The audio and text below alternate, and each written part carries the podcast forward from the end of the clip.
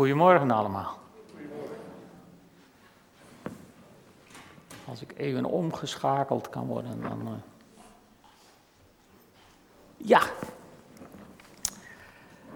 We gaan het vandaag hebben over het eerste thema van de, zeg maar, van de, de gaven die genoemd worden in de Romeinen 12. Daar hebben we afgelopen zondagavond inleiding over gehouden. Ik ga er nog een paar dingen van aanstippen om iedereen even een beetje mee te nemen. Dat is naar aanleiding van het boek Ontdek je door God gegeven gaven. Dat komt zo meteen wel even in beeld. En, en het maakt ook deel uit zeg maar, van, van het thema wat we voor deze maanden hebben gekozen. Samen zijn. Want samen zijn, dat gaat handiger als je je bewust bent van het feit dat je allemaal verschillend bent. En als je dat kunt accepteren van elkaar, dat je verschillend bent, sterker nog, als je dat kunt waarderen in elkaar, dat je verschillend bent, wordt samen zijn een heel stuk gemakkelijker. Want dan hoeven we de strijd niet aan te gaan om, om ik hoef niet te worden zoals jij en jij moet vooral niet worden zoals ik. Maar dan kunnen we met alle verschillen er samen wat moois van maken. Goed, hier is het boek al, daar is genoeg reclame voor gemaakt. Is nog steeds te bestellen, maar misschien heb je het inmiddels al. Het is in ieder geval een absolute aanrader om je naast deze prekenserie door het boek heen te werken. Het is eh, echt een leuk boek om te lezen, makkelijk te doen. En als je aan het eind je profiel wilt zien, doe mij een mailtje. Dan krijg je van mij zo'n prachtig Excel-bestandje, wat vanzelf een grafiekje voor je tekent van hoe jij ongeveer bent. In Romeinen 12, wat we zo meteen gaan lezen, daar, daar worden een aantal gaven genoemd. Maar we hebben afgelopen zondagavond heel even het onderscheid gemaakt tussen verschillende soorten gaven. Vier categorieën heb ik onderscheiden. Je hebt wat wij noemen de talenten, gewoon je natuurlijke dingen. Hè. De ene is muzikaal, de andere is hartstikke technisch, weer een ander die kan weer wat anders heel erg goed. Die dingen die bijna aangeboren lijken en die, die je gemakkelijk kunt ontwikkelen. En dan heb je wat in het boek manifestatiegaven genoemd worden, of wat wij vaak de gaven van de geest noemen, wat eigenlijk geen gaven zijn, maar meer, zoals de NBG het vertaalt, de uitingen van de Heilige Geest door jou heen. Die vind je in 1 Korinthe 12. Dan heb je wat het boek de bedieningsgaven noemt, dat is de vijfvoudige bediening noemden we het vroeger, dat hoort tegenwoordig niet zo heel veel meer, maar je kent dat wel, dat rijtje uit Efeze 4, apostel, profeet, herder, leraar en evangelist. En je hebt de motivatiegaven, zoals dit boek ze noemt, uit Romeinen 12. Nou, die eerste rijtjes, die laat ik nu buiten beschouwing. Maar wat ik daar nog van wil zeggen is, je moet ze vooral niet op één hoop vegen of door elkaar halen, maar je moet je bewust zijn dat Paulus het hier over verschillende dingen heeft. Als je dat voor ogen houdt, dan komt er een beetje lijn in. Goed, Romeinen 12. Drie versen vanaf vers 6. Daar schrijft Paulus aan de gemeente in Rome: We hebben verschillende gaven, onderscheiden naar de genade die ons geschonken is. Wie de gave heeft te profiteren, moet die in overeenstemming met het geloof gebruiken. Wie de gave heeft bijstand te verlenen, moet bijstand verlenen. Wie de gave heeft te onderwijzen, moet onderwijzen. Wie de gave heeft te troosten, moet troosten. Wie iets weggeeft, moet dat zonder bijbedoelingen doen. Wie leiding geeft, moet dat doen met volle inzet. En wie barmhartig voor een ander is, moet daarin blijmoedig zijn. Hier staat in ieder geval niet bij dat je moet proberen om iets anders te worden dan wat je bent. Je moet gewoon doen, werken, leven in de gaven die God je gegeven heeft.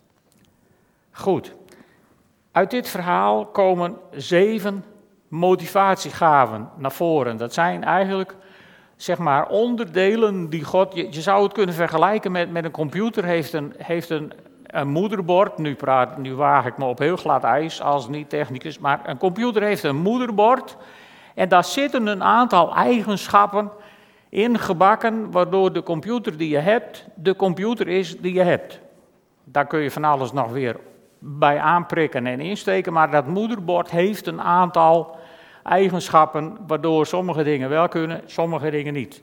Dat is volgens mij ongeveer wat, wat hier bedoeld wordt. God heeft jou gemaakt en in sommige dingen ga je uitblinken en in sommige dingen moet je worstelen. En nu is ons, ons onderwijssysteem er, er, toch een beetje op gericht om, om te zeggen van ja, waar je zwak in bent, daar moet je veel energie in steken. John Maxwell heeft in zijn wijsheid een keer opgemerkt, als je veel investeert in waar je slecht in bent, dan word je in meer dingen slecht. Dus steek je energie in waar je goed in bent. Ga voor je kwaliteiten. En ga daar aan werken. Nou, die zeven, die staan hier even. De waarnemer, dat is degene, het woord profiteren, kom ik direct even op terug. De waarnemer, de dienaar, de leraar, de bemoediger, de gever, de bestuurder en de barmhartige. Zeg maar vier karaktertrekken. En je bent nooit alleen maar één van deze zeven. Dit zijn kwaliteiten en ieder mens heeft van al deze kwaliteiten wat. Maar er is één, als je eerlijk de vragen beantwoordt in het boek, dan is er één kwaliteit die er een beetje bovenuit steekt. Meestal zijn daar twee flankerende kwaliteiten die, die ook wat hoger zijn.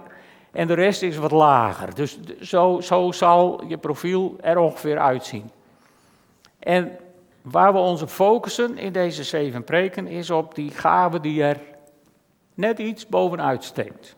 Dus je bent nooit alleen maar één van deze dingen. Mag ik hopen. Want dan ben je heel ongelukkig. Goed, de waarnemer dus. De waarnemer is een beetje een afgezwakt woord, vind ik zelf, van het Engelse boek. In het Engelse boek wordt deze persoon de perceiver genoemd. Waarnemer zou je in het Nederlands ook de observer kunnen zetten, hè? degene die observeert. En dan gewoon vast, nou ja, zo is het, zo wat, klaar. Maar de perceiver, dat is een ander werkwoord, zit daaronder. To perceive betekent niet simpel waarnemen, maar het betekent eigenlijk doorgronden. Ergens doorheen kijken. Zeg maar, je, je hebt van die mensen, die, die, je hebt het gevoel, die doorzien je. Nou, die heb je vast wel eens ontmoet. Dat is deze kwaliteit. De perceiver, de waarnemer. Daar wil ik het met jullie over hebben. En ik wil heel even met je kijken naar wat verschillende vertalingen. Ik heb voorgelezen uit de NBV, daar staat wie de gave heeft te profiteren.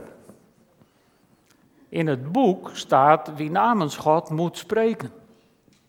De Grootnieuwsbijbel die zegt, als het ons gegeven is zij wil te openbaar, openbaar te maken. En de Bijbel in gewone taal die zegt, ja, de een krijgt een boodschap van God, enzovoort. Het, het is ongeveer allemaal wel een beetje hetzelfde. Het is heel erg vergelijkbaar. En de message, die ben ik momenteel aan het lezen, echt een prachtige vertaling. In de message staat: If you preach, just preach God's message. Oké, wat verschillende vertalingen, zodat je even een beetje gevoel hebt wat er aan dit woord de waarnemer hangt. En wat, wat, wat is dat dan, die waarnemer? Nou, de waarnemer die moet Gods wil waarnemen en verkondigen. En in zekere zin moet eigenlijk iedereen dat. Hè? We kunnen dit een beetje vergelijken zeg maar, met de profeten uit het Oude Testament. Toen was dit voorbehouden aan een enkeling. Maar sinds Handelingen 2, vers 17 zou iedereen op dit gebied kunnen functioneren. Want in Handelingen 2, vers 17, er staat aan het einde der tijden zal ik over alle mensen mijn geest uitgieten. Dan zullen zonen en dochters profiteren, jongeren zullen visioenen zien en oude mensen droomgezichten. Dus iedereen wordt door God af en toe geïnformeerd. Met de bedoeling daar iets mee te doen. Maar de waarnemer, die is daar scherper in, die overkomt dat zeg maar vaker dan iemand anders. Want de waarnemer is iemand die snel de wil van God waarneemt, die daarvoor bidt, die daarover praat en die mensen ook aanbevelingen geeft om te wandelen in, in wat God met je wil. En eh, hier zitten er een stukje wat. Mensen met dit karakter, met deze trek. En eh, ja, de, de meesten die zijn me in de loop van de jaren wel eens opgevallen. Maar er is één, en die wil ik heel even vragen naar voren te komen. Vonger, zou je even bij mij willen komen? Gewoon, dan kun je ook even een voorbeeldje zien van vandaag. We praten niet over een uitstervend beroep uit de vroege middeleeuwen of uit de oud-testamentische tijd. Maar ook vandaag zijn er van die mensen, zoals Vonger. Een lieve broer. Vonger. Oh ja, hebben we ook even een microfoon voor Vonger? Dit zegt iets over een kwaliteit die ik niet heb. Anders was die microfoon hier geweest. Goed. Vonger, is dat ding aan? Test, ja. Helemaal goed. Uh, herken jij hier iets van bij jezelf? Uh, ja, best wel eigenlijk. Uh, de waarnemer. Ehm, best wel een eh, uitdagend.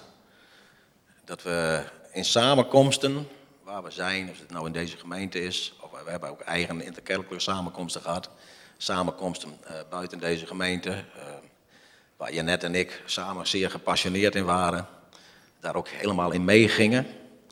En ook eigenlijk onze roeping daarin vonden. Van dit is het. Dit, dit bevestigt onze, ja, onze gaven, talenten. En toch eigenlijk tijdens dat proces, dat we die samenkomsten bezochten, werden we kritisch. Is dit wel wat God wil van ons? Niet alleen van ons, maar ook van het, wat er verkondigd werd. Dus ja, ik, ik, ik ben daar altijd wel een kritische luisteraar, Willem. Ja, ja, maar, ja, ja dat had ik wel in de gaten. In de goede zin des woords. Hè? Dus, ja. Oké. En uh, heb je wel eens iets duidelijk moeten maken voor jouw gevoel aan iemand anders die dat niet begreep? Ja. Uh, het staat ook hè, dat, dat, we ervoor bidden. En ja, dan, dan gaan we, we hebben een eigen gebedskamer, dan ga je iets wil je uitspreken, verkondigen, zei je ook. En heer, dan heb je zelf ook een richting waar je wil verkondigen en dan dat je toch plotseling krijgt van, nee, maar ik wil juist dat je dat gaat zeggen. En dan is dat lastig om uit te leggen aan mensen inderdaad. En dan komt het ook wel eens heel confronterend over. Wij zeggen van net en ik vaak, het is confronterend, maar lief bedoeld. En dat is, ja, dat, dat herken ik wel. Ja, ja. En dat is wel lastig, het wordt niet altijd heel prettig ontvangen. Ja. Oké, okay, Vonger, herken jij dit ook? Jij hebt geprobeerd iemand iets duidelijk te maken en die, je hebt het gevoel van het land niet. Eh, en een paar weken of een paar maanden later hoor je iemand anders hetzelfde verhaal vertellen. En iedereen denkt, oh ja, en dan denk je wel... Amen, amen. Ja, ja, ja, ja, ja. ja. dat herkennen we ook wel. Dat uh, hebben we samen ook wel uh, meerdere malen meegemaakt. Dat we toch uh, ja, een woord doorgaven, of inderdaad, zoals het hier ook zo mooi staat, een, een verkondiging. En ja, dat, dat het eigenlijk helemaal niet landde eigenlijk zelfs tegen ons ging werken. Van hoe kunnen jullie dat zeggen, hoe kan je dat zeggen, Vonger? En uh, ja, Jezus was ook wel eens tegen de raads in die zin, dat hij bepaalde dingen aankaartte. En dan werden wij daar wel op aangesproken, dat is ook prima hoor. Ik ben echt best wel, we zijn best wel corrigeerbaar wat dat betreft, maar we hadden daar toch stellig in. Nee, dit is toch wel het, de, wat we proberen te verkondigen, wat, wat God van ons wil. En dan, oké, okay, zelfs mensen laten je dan los, of die uh, best wel discussies, geen dialoog meer, maar discussies. En een paar weken later, door een gerenommeerd voorganger, hm? wordt hetzelfde verkondigd en dan is het amen. En dat doet wel pijn. Heeft je ook wel eens in een lastig pakket gebracht met mensen, begreep ja. ik uit jouw verhaal? Ja, we hebben een lastig pakket gehad, dat je op een gegeven moment daar toch uh, dingen uh, doorgrondt vanuit uh, God je toch laat, dingen laat zien van jongens, dit is niet goed. En dan als je dat dan ook in, probeert in Gods liefde te brengen, dan word je, een raar woord, uitgekotst. Dan word je ja. door mensen uh, op internet of wat ik maar, of via de mails, voor het plein publiek, voor de hele mensen, alle mensen die meedoen, word je gewoon, maar ja, helemaal uh, voor niks meer uitgemaakt. Ja. Goed zo. De waarnemer. Vonger, dankjewel. Oké, okay, dank. Ja, niet het makkelijkste vak. Ik moet zeggen ook een vak waarin je kunt groeien en, en waarin je kunt socializen. Ik ga straks uh, even inzoomen op Johannes de Doper. Maar Johannes de Doper was zo'n typische asociale waarnemer, zou ik bijna zeggen. Dat is natuurlijk ook makkelijk als je in een kamelenvel in de woestijn alleen maar springhanen kluift en niet met mensen omgaat verder. Dan ontwikkel je niet echt in een wat, wat gematigdere vorm van, van waarnemerschap. Hè? Dan, dan ga je mensen adderengebroed noemen en zo. En, en, en Vonger heeft dat afgeleerd. Ik heb dat ook afgeleerd in de loop van mijn leven. Want je merkt dat dat, dat niet echt tot resultaten leidt. Meestal. Dus, dus dat is iets. Dus wat ik wil, wil, daarmee wil zeggen is van mensen die deze karaktertrek hebben, ze bestaan nog steeds. In heel veel onderwijs, waarin alle gaven uit al die rijtjes zeg maar, op één bult worden geveegd, wordt heel vaak gezegd, ja, die oud-testamentische profeten, die bestaan niet meer. En dan wordt er onderscheid gemaakt tussen oud-testamentische en nieuw-testamentische profeten. En eigenlijk is dat onzin, in mijn ogen. Want denk eens even aan een profeet uit het Oude Testament, bijvoorbeeld, je, ik noem er even drie. Jesaja, Jeremia, Ezekiel die kennen we vanwege de literatuur die ze hebben achtergelaten. Nou heb ik de afgelopen twee jaar stevig theologie gestudeerd. En, en toen heb ik gedacht van, ja, maar er, er, zijn nog wel meer mensen die wij kennen over de literatuur die ze hebben achtergelaten. En de resultaten die ze op het kerkelijk erf hebben gehad. Wat denk je van Maarten Luther? Wat denk je van Johannes Calvijn? Wat denk je van Abraham Kuyper? Eh, om er maar even drie te noemen. Wat denk je van Spurgeon? Om de vierde er eens even naast te zetten. Ik, ik denk als ze over, over duizend jaar of over 1500 jaar, als daar nog bestaat, terugkijken, dat ze die mensen toch ook wel degelijk als, als profeet neerzetten, als waarnemer. Iemand met deze karaktertrekken op zijn best, zeg maar. Dus het bestaat nog steeds. En waarom noemen we het dan de waarnemer? Nou, eigenlijk omdat volgens mij het woord profeet een beetje aan de sterke kant is. Wij, zeker op het evangelisch erf, hebben we van de profeet zo iemand op een soort voetstuk gemaakt, hè, die, die bijna onfeilbaar het woord van God spreekt. Nou, ik denk, wat Vonger ook neerzet, de waarnemer, dat is een gewoon mens die door God een karaktertrek heeft gekregen, waardoor hij de dingen snel doorziet en daarmee moet leren leven. Om met, met die gave een zekere vrucht te hebben. Want dit heeft ook zekere risico's in zich. Als je waarnemer bent, zeg maar als je wat profetische trekjes hebt, dan, dan, dan, dan moet je heel erg oppassen dat, dat je niet in de, in de categorie vervalt van ik zie, ik zie wat jij niet ziet. Hè. Dan loop je van alles te zien en daar halve hints over te geven en de rest van de wereld die staat om je heen en denk, waar gaat dit over? En als er dan later inderdaad iemand opduikt die wat volwassener is geworden en niet vanuit die houding naar je toe komt, dan je, oh, bedoel je dat, weet je? En, en dan denk je, waarom luisteren ze nou niet naar mij? Nou, omdat, we dit nog, omdat je dit nog niet geleerd had. Maar dit kun je leren, hier moet je, hier moet je af. Dit is een soort valkuil waar je niet in moet blijven hangen. Hier is er nog één.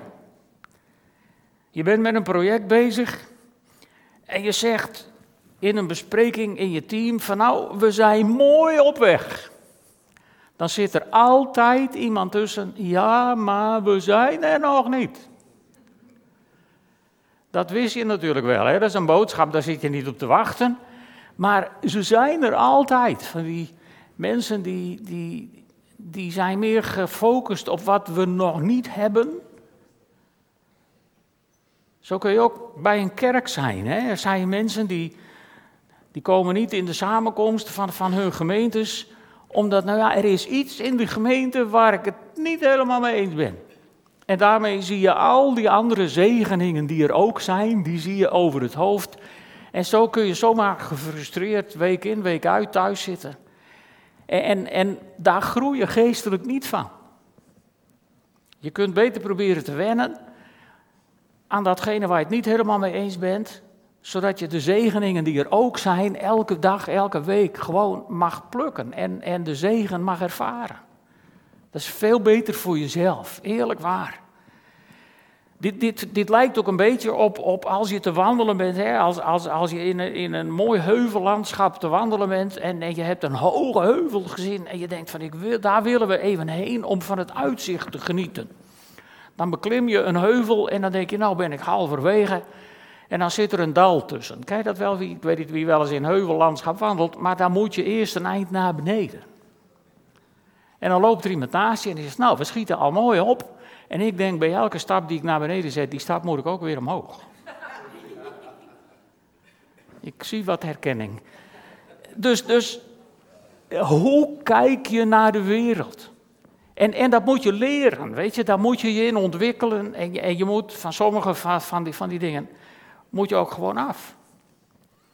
En de waarnemer die iets ziet, die heeft nog een risico. Het kan namelijk zijn dat je wat ziet en plank gas geeft en zo ver voor de kudde uitscheurt, dat het schaap wat geacht wordt jou te volgen op een gegeven moment denkt, dat is pech, herder weg. En dan gaat het schaap erbij liggen in grazige weiden en die gaat geen meter verder. En de herder die kan achterom kijken en heel gefrustreerd worden, nou er is ook niemand die mij volgt. Nee, logisch. Want je bent niet bij te houden.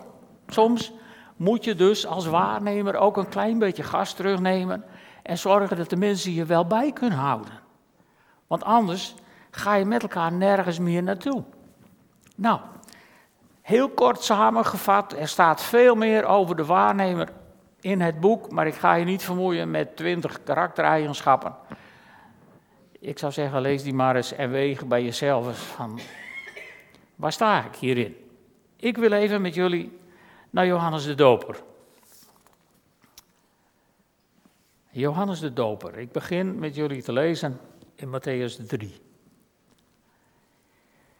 In die tijd trad Johannes de Doper op in de woestijn van Judea. Hij verkondigde: Kom tot inkeer, want het koninkrijk van de hemelen is nabij. Tot zover ging het goed, hier is niks mis mee met deze boodschap. Dit was de man over wie de profeet Jesaja sprak toen hij zei, luid klinkt een stem in de woestijn, maak de weg van de Heer gereed, maak recht zijn paden. Johannes droeg een ruwe mantel van kameelhaar met een leren gordel. Hij voedde zich met sprinkhanen en wilde honing. Uit Jeruzalem, uit heel Judea en uit de omgeving van de Jordaan stroomden de mensen toe. En ze lieten zich door hem dopen in de rivier de Jordaan, terwijl ze hun zonden beleden. Toen hij zag dat veel fariseeën en sadduceeën op zijn doop afkwamen, zei hij tegen hen, adderige broed, wie heeft jullie wijs gemaakt dat je veilig bent voor het komende oordeel? Breng liever vruchten voort die een nieuw leven rechtvaardig zijn. En denk niet bij je, dat je bij jezelf kunt zeggen, wij hebben Abraham als vader. Want ik zeg jullie, God kan uit deze stenen kinderen van Abraham verwekken. De bijl ligt al aan de wortel van de boom. Iedere boom die geen goede vrucht draagt, wordt omgehakt en in het vuur geworpen. En dan stap ik met jullie over naar Lucas 3. En daar beginnen we bij vers 10. De mensen vroegen hem: Wat moeten we dan doen? En hij antwoordde: Wie twee stel onderkleren heeft, moet delen met wie er geen heeft. En wie eten heeft, moet hetzelfde doen. Er kwamen ook tollenaars om zich te laten dopen. En die vroegen hem: Meester, wat moeten wij doen? Hij zei tegen hen: Vorder niet meer dan wat jullie is opgedragen. Ook soldaten kwamen hem vragen: En wij, wat moeten wij doen? Tegen hen zei hij: Jullie mogen niemand afpersen en je ook niet laten omkopen. Neem genoegen met je soldij. Het volk was vol verwachting. En allen vroegen zich af of Johannes misschien de Messias was. Maar Johannes zei tegen hen: Ik doop jullie met water, maar er komt iemand die meer vermag dan ik. Ik ben zelfs niet goed genoeg om de riem van zijn sandalen los te maken. Hij zal jullie dopen met de Heilige Geest en met vuur. Hij houdt de wan in zijn hand om de dorsvloer te reinigen. Het graan zal hij bijeenbrengen in zijn schuur en het kaf in onuitblusbaar vuur verbranden. Op deze en andere wijze spoorde hij de mensen aan en verkondigde hij hun het goede nieuws. Maar de tetrarch Herodes, die door Johannes was terechtgewezen in verband met Herodias, de vrouw van zijn broer, en vanwege al zijn andere waandaden voegde aan alle slechte dingen die hij had gedaan, nog toe dat hij Johannes opsloot in de gevangenis. Johannes de Doper. Als je kijkt naar de drie rijtjes die ik aan het begin noemde, dan hoort Johannes absoluut toe in het rijtje uit Efeze 4. De profeet. Iemand met een persoonlijke roeping die zijn hele leven wijdt aan het zijn van profeet. En Johannes voldeed ook aan, als je het boek leest, aan heel veel eigenschappen die horen bij de waarnemer. En hij was, denk ik, daardoor ook meer dan iemand anders gevoelig voor de uitingen van de geest die in 1 Corinthië 12 worden genoemd. Dus, dus hij zat heel erg in dat profetische rijtje. En hij wordt ook herkend door de mensen. Weet je, iemand die zeg maar in een van die vijf bedieningen van Efeze 4 functioneert, dat zien mensen wel. Als het nodig is dat je een bordje opdoet of een badge draagt met I am the prophet, dan ben je het niet. Mensen zien dat wel aan je. En als je de waarnemer bent, degene die ziet, mensen zien het wel. Johannes maakte geen reclame. Hè? Johannes had geen Facebook-campagne nodig om mensen naar de Jordaan te krijgen. De mensen kwamen in drommen kwamen ze naar hem toe om zich te laten dopen. Wat had die man nou wat, wat, wat wij niet meer hebben? Wat had hij nou? Waarom was dat zo? Nou, het had in ieder geval iets te maken met dat waarnemer zijn van Johannes. Mensen herkenden iets in hem en die wisten van hier is iets bijzonders aan het gebeuren in de tijd met deze bijzondere man. En zo kwamen ze allemaal naar de Jordaan. En uiteraard komen dan ook uh, de fariseeërs en de tollenaars naar zich toe. En het boeiende vind ik in dit stuk, oh nee, de fariseeën en de sadduceeën. Er, er komen verschillende categorieën mensen naar hem toe. Er komen de Fariseeërs en de Sadduceërs, zeg maar de theologen. Er komen de tollenaars, ongeveer het toppunt van zondaar in die tijd, in de ogen van mensen. En er kwamen er ook nog Romeinse soldaten. Nou, dat was helemaal, daar hoef je het niet eens over te hebben, dat was de vijand. En er is één categorie tegen wie Johannes gebroed roept. Tegen de theologen. Gebroed. Als je naar de kenmerken gaat kijken van de, van, van de waarnemer, dan is het eerste kenmerk wat genoemd wordt, identificeert goed en kwaad snel en accuraat en haat het kwaad. Nou, Johannes haatte het kwaad. Daar hoef je niet aan te twijfelen. Dat zie je voor je ogen gebeuren in dit verhaal. En het tweede kenmerk is dat een waarnemer, zeg maar, die niet volwassen is geworden, zeker, alles zwart of wit ziet. Er is geen grijs. Er is geen overgangsgebied ertussen. Alles is of goed of fout. Dus een waarnemer is een eeuwige puber, zeg maar even. Voor mensen die daarmee te maken hebben. Dat onderscheid is er nog niet. Het is goed of het is fout. En, en, en hij neemt ook Derde kenmerk, het karakter van personen en groepen gemakkelijk waar. Dus Johannes heeft die eerste drie al heel sterk. Dus hij ziet die fariseeën en die sadduceeën en hij ziet dat ze niet gekomen zijn om zich door hem te laten dopen. Hij ziet dat ze niet gekomen zijn omdat ze zijn aangeraakt door de Heilige Geest. Hij ziet dat ze gekomen zijn om te zoeken waar ze hem kunnen pakken op een theologisch foutje. En, en dan deze vond ik heel sprekend. Kenmerk 6 van de waarnemer heeft maar een paar of helemaal geen goede vriendschappen. Als je nou Johannes de Doper kijkt, kun je je dat voorstellen. Iemand die meteen gaat gillen van adderengebroed, dat is nou niet iemand met wie je na de preek straks zeg maar even een borrel gaat drinken en, en, en het er nog eens over hebt. Of wel? Dat nodigt niet uit. Dus, dus Johannes staat heel duidelijk, heel sterk zit hij in die hoek.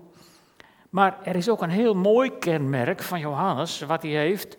En, en, en dat, dat zie je in vers 8 van Matthäus, waar hij tegen de mensen zegt: Breng liever vruchten voort die een nieuw leven waardig zijn. Dus hij, hij gaat niet alleen maar tekeer, hij moedigt mensen ook aan. En, en een echte waarnemer die kan dat doen met tranen in zijn ogen, omdat het zo zwaar op zijn hart is dat het leven als christen, het leven met God, dat dat zichtbaar moet zijn in je leven. En Johannes was iemand die niet alleen maar preekte. Johannes was iemand die het liet zien. Die bewogen was, die, die, die tot tranen toe bewogen. Mensen kon aanmoedigen van, doe nou. Doe nou toch.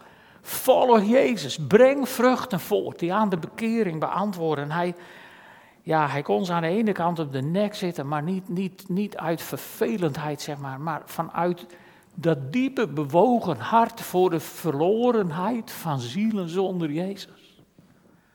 Het is tegenwoordig niet, niet meer, ja, het is bijna, het is not on om over hel en verdoemenis te preken. En ik ben daar ook zeker geen voorstander van. Ik denk dat dat te veel gebeurd is en, en te negatief gebeurd is. Maar Johannes die, die waarschuwt mensen wel voor de consequenties. Als je, als je niet met Jezus mee wilt. Hij heeft het ook aan een bijl, aan de wortel van een boom en over het kaf wat van het koren gescheiden wordt en verbrand wordt. Wat hij niet doet is er namen aanhangen van jij die kant op, jij die kant op. Daar, Johannes weet waar zijn grenzen liggen. Hij waarschuwt mensen voor de consequenties, maar hij oordeelt niet over individuen. Want dat laat hij over aan God. En dan komen de mensen bij Johannes en dan vragen ze, wat moeten we doen? En wat ik zo leuk vind is dat een van de kenmerken van de waarnemer is dat hij dingen wil verbaliseren of dramatiseren. Dus er, er plaatjes aan wil geven. Een waarnemer is een beetje een plaatjesdenker. Dus Johannes die gaat, ja, die gaat de mensen vertellen over, over, over een bijl aan de wortel van een boom. Omgehaakt en in het vuur, dat snappen ze, want dat zien ze.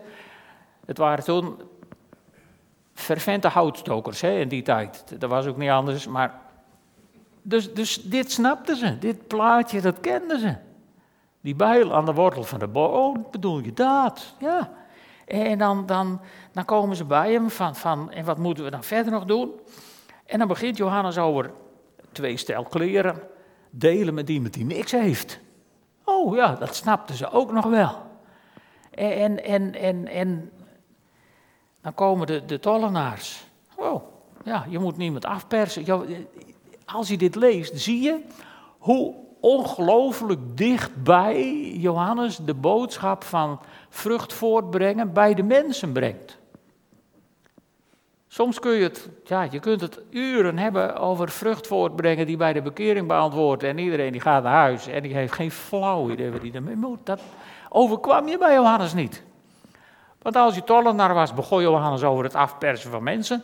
Als je soldaat bent, dan begon Johannes over, over het gewoon eerlijk doen wat je moet doen en niet, niet meer, weet je. die soldaat, zal ik even uitleggen. Jezus zegt op een gegeven moment tegen de mensen, als iemand je dwingt om één mijl met je te gaan, ga er twee. Romeinse soldaten hadden het recht, stond in de Romeinse wet, om een burger te vorderen om één mijl zijn bagage te dragen. En Jezus gebruikt dat stukje uit de Romeinse wet. Hij zegt, als zo'n Romeinse soldaat jou dwingt om zijn bagage te dragen, één mijl, doe er twee. En Johannes die zegt tegen die soldaat, want die heeft het ook over dat je niet mag afpersen. Hij zegt tegen die soldaat, jij mag volgens de wet mensen dwingen om één mijl je bagage te dragen. Dan mag je ze niet dwingen om er twee te dragen. Dat is even de context. Hè? Johannes die, die maakt het zo praktisch en zo persoonlijk, zo ontzettend knap, doelgroepgericht zou je bijna zeggen, dat ik hem wat dat betreft diep bewonder. Prachtig zoals hij dat doet. En hij is eerlijk. Johannes is openhartig, een beetje te soms misschien, maar eerlijk. En hij leeft volgens geestelijke principes, maar hij verlangt dat ook van andere mensen. Want je moet het maar durven om als eenvoudig profeet tegen koning Herodes te zeggen wat hij wel en niet mag doen. Herodes was er vandoor gegaan met de vrouw van zijn broer en Johannes die had daar geen goed woord voor over. Daar had hij op zijn waarnemers ongezouten iets van gezegd. Je kunt in de Bijbel zien dat dat ook erg slecht voor je gezondheid kan zijn, als waarnemer. Maar dat brengt me dan bij kenmerk 20, het laatste kenmerk wat wordt genoemd van de waarnemer. Daar staat verlangt ernaar om God koste wat kost gehoorzaam te zijn. Ook hier voldoet Johannes aan. Het kost hem uiteindelijk zijn leven, maar hij is God gehoorzaam. Hij doet wat God hem zegt te doen en neemt geen blad voor de mond. En hij laat zich ook niet leiden door angst. Nou, zomaar een paar eigenschappen van iemand die je de waarnemer zou kunnen noemen. Er zijn er veel meer te vinden in de Bijbel. Maar dan zetten we hier een paar dagen, dus dat gaan we niet doen. Zomaar een paar. Mensen uit de Bijbel, profeten uit het Oude Testament, hervormers uit de nieuwere tijd waarin wij leven, uit de Nieuwtestamentische tijd, zeg maar. En ook vandaag de dag springt er hier en daar een rond. De waarnemer. Mocht je hem tegenkomen, wees een beetje genadig. Want we gaan hier zeven keer over spreken. In de hoop dat we iedereen een beetje socializen, zeg maar. De scherpe kantjes er wat af. Aan de andere kant, als je iemand tegenkomt die in, in deze categorie zit, luister gewoon naar wat ze hebben te zeggen. En tot slot, voor de waarnemers onder ons. Als God je wat laat zien, dan laat hij je dat niet zien om het op Facebook te zetten. Of op Instagram, of op waar we tegenwoordig maar inmiddels aan toe zijn. Negen van de tien keer laat God je wat zien. Om voorbeden voor te doen. En dit is, dit is de zware kant van de profeet, van de waarnemer. Je ziet dingen, je zou er acuut wat aan willen doen, je zou je zwaard willen trekken om erin te houden. Maar de bedoeling is dat je in je binnenkamer gaat en dat je met God in de slag gaat om te bidden voor verandering. En als je dat praktisch wilt maken, je zou een groot geweer kunnen kopen en proberen in Moskou te komen om Poetin een kopje kleiner te maken. Dat gaat waarschijnlijk niet werken. Het is ook niet wat God van je vraagt. Want al hoe hij misschien het pad kwijt is, hij is ook een door God geschapen mens. Maar hoeveel mensen zouden er op deze wereld hun knieën buigen en bidden of God Vladimir Poetin bij zijn hart wil grijpen en hem tot inkeer wil brengen? Zou dat de wereld niet veranderen? Dat is de opdracht van de waarnemer. Niet altijd gemakkelijk. Want als je de gave van het spreken daarbij hebt, dan ligt het vaak voor op het puntje van je tong. En soms is het je mond al uit voordat je het in de gaten hebt. En dan denk je, oeps. Dus waarnemers onder ons, bid voor de dingen die God je laat zien. Ga de gebedstrijd aan, want dat is een wezenlijk deel van je roeping. En niet waarnemers onder ons, als je een van ons ziet worstelen met dit probleem, wees een beetje genadig. Zullen we samen bidden?